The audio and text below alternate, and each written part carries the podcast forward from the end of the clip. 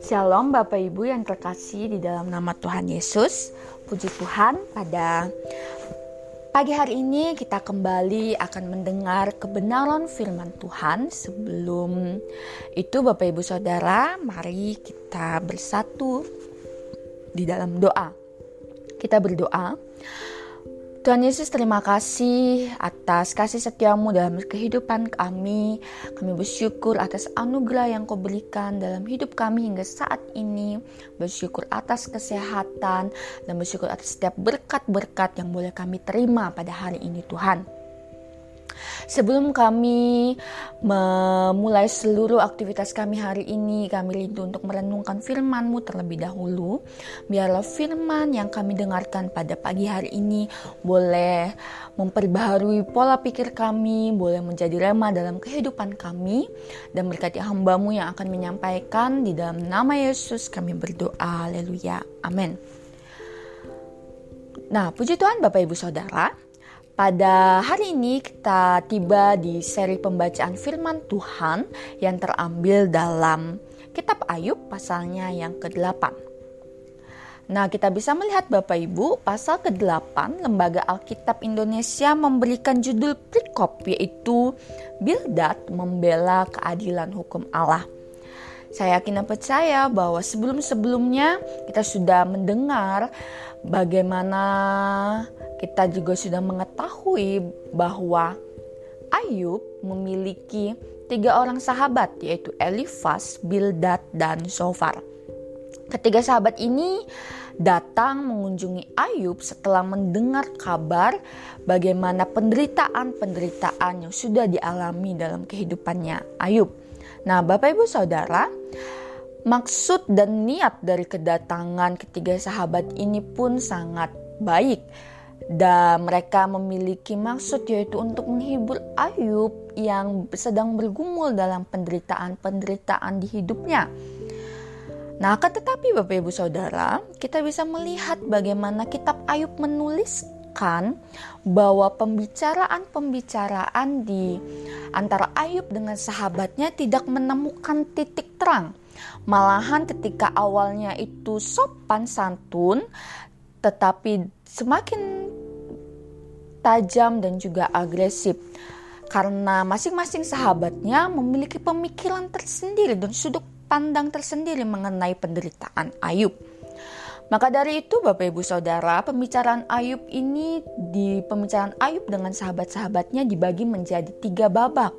Dan pasal ke-8 merupakan salah satu pasal yang termasuk dalam babak yang pertama.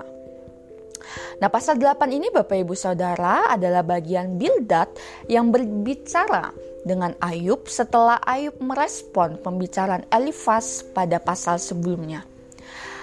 Pada pasal ini kita bisa melihat sebenarnya niat awal dari Bildad itu adalah untuk menolong Ayub.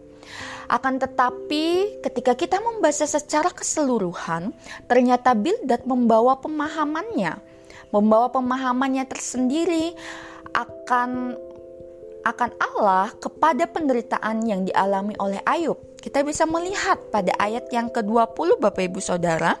Di sini dituliskan bagaimana pemahaman Bildad. Yaitu pada ayat 20 menyatakan bahwa ketahuilah Allah tidak menolak orang yang saleh dan ia tidak memegang tangan orang yang berbuat jahat kita bisa melihat bahwa Bildad memiliki pemahaman dasar akan Allah yaitu Allah akan melindungi setiap orang-orang yang saleh. Dan dia akan menentang orang-orang fasik. Yang berarti Bildad memahami seluruh penderitaan yang dialami oleh Ayub ini merupakan sebuah kesalahan Ayub sendiri sehingga kita bisa melihat pada ayat-ayat sebelumnya Bapak Ibu Saudara, tidak heran jika dari awal pada ayat 1 sampai dengan 3, Bildad ini merasa resah dengan keluh kesah Ayub di mana Ayub mempertanyakan bagaimana keadilan Allah adalah dan Bildad menyatakan bahwa tindakan Ayub mempertanyakan keadilan Allah ini adalah suatu perbuatan yang tidak layak dilakukan oleh Ayub melihat bagaimana seharusnya seorang ayah ikut bertanggung jawab atas dosa yang sudah dilakukan oleh anak-anaknya. Bildad juga melihat Bapak Ibu bahwa usaha yang dilakukan oleh Ayub ini merupakan sebuah usaha dari perbuatan orang sombong. Hal ini dia dia nyatakan dalam kiasan, dalam bentuk kiasan kita bisa melihat dalam ayat 14 sampai dengan 18 di mana Bildad menanggapi bahwa perilaku Ayub yang mempertanyakan Tuhan, yang memohon pengertian kepada Allah, mengapa i, mengapa ia bisa menerima penderitaan yang ada, itu merupakan sebuah perbuatan orang sombong dan merasa diri lebih pandai dari Allah. Dan Bildad juga menyatakan orang yang seperti itu merupakan orang yang terasing dari Allah dan berkat tidak ada di dalam hidupnya.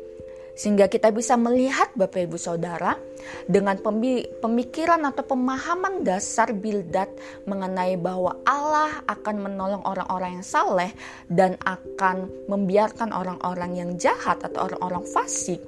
Itu dibawa oleh Bildad dalam penderitaan Ayub Bildad mempercayai bahwa penderitaan yang dialami oleh Ayub ini adalah kesalahan dirinya sendiri.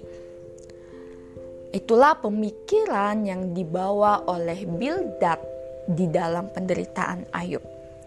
Nah, Bapak Ibu Saudara, melalui Bildad ini kita juga secara tidak sadar pada umumnya manusia pasti kecenderungan memiliki pemahaman yang sama seperti Bildad yang memahami bahwa Tuhan akan memberkati orang yang benar dan Tuhan tentunya akan menghukum orang yang tidak benar.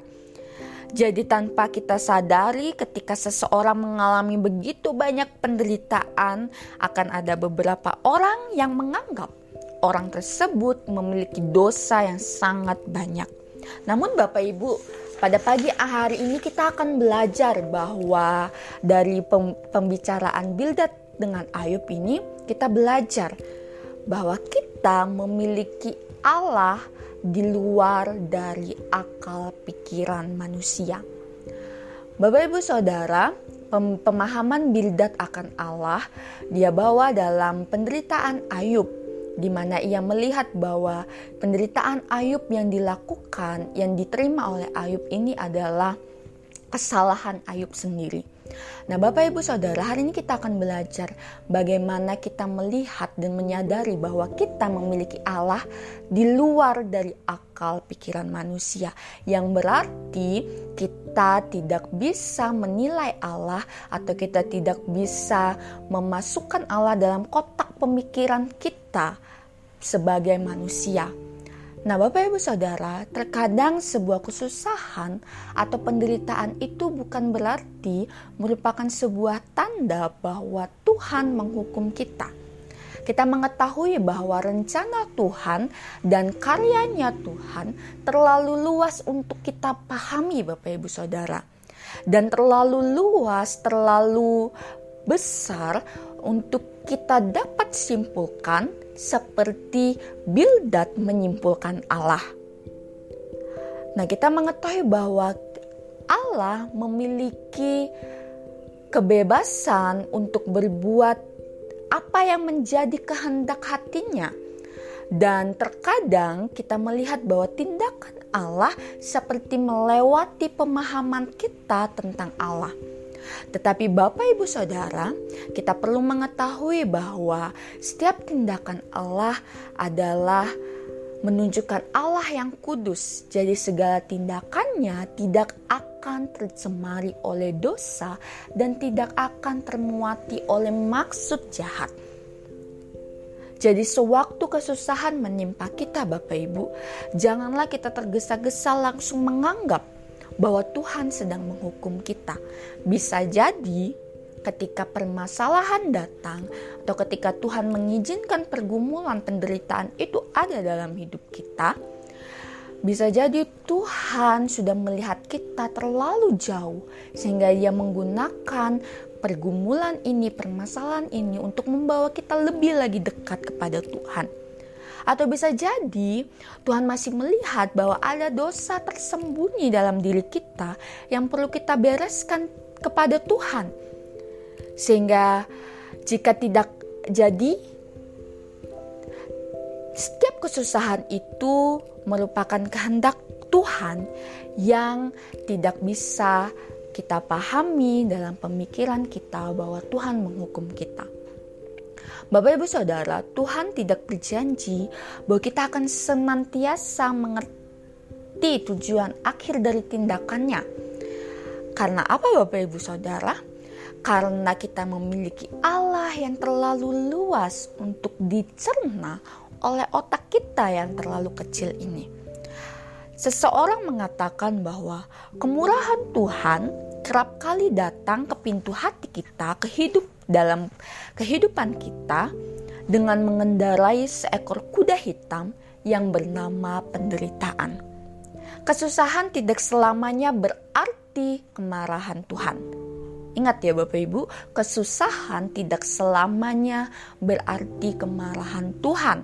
Ada kalanya kesusahan adalah baju kemurahan Tuhan dalam hidup kita. Maka dari itu Bapak Ibu Saudara, kita bisa belajar pada hari ini bahwa kita memiliki Allah yang di luar dari akal pikiran manusia. Kita memiliki Allah yang tidak bisa dibatasi oleh pikiran manusia. Bahwa kita memiliki Allah yang luas dari akal pikiran manusia. Sehingga apa pun yang terjadi dalam hidup kita merupakan maksud tertentu dalam dalam kehendak Allah sehingga walaupun penderitaan datang, pergumulan datang, biarlah hendaknya kita terus memandang kepada Allah dan kita terus mendekatkan diri kita kepada Allah. Demikian firman Tuhan kita pada pagi hari ini. Tuhan Yesus memberkati.